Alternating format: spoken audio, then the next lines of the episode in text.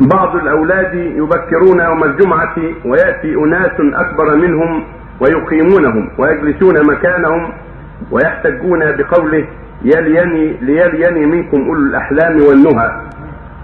هذا هذا جائز. هذا يقوله بعض أهل العلم ويرى أن الأولى بهم أن يصفوا وراء, الرجال ولكن هذا فيه نظر. فالاولى أنهم إذا تقدموا ألا يقاموا إذا سبقوا إلى الصف الأول أو إلى الصف الثاني.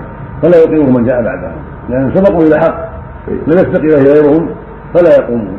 فلا يقامون. أيضا في في إقامتهم تنفير لهم.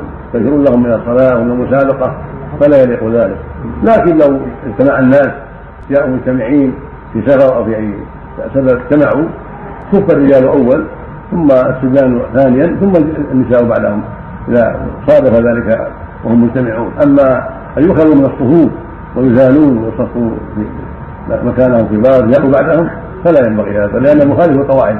الاسلاميه المعروفة من سبق إلى من هو حق. ولأن هذا فيه تنفير لهم من المسابقة. نعم.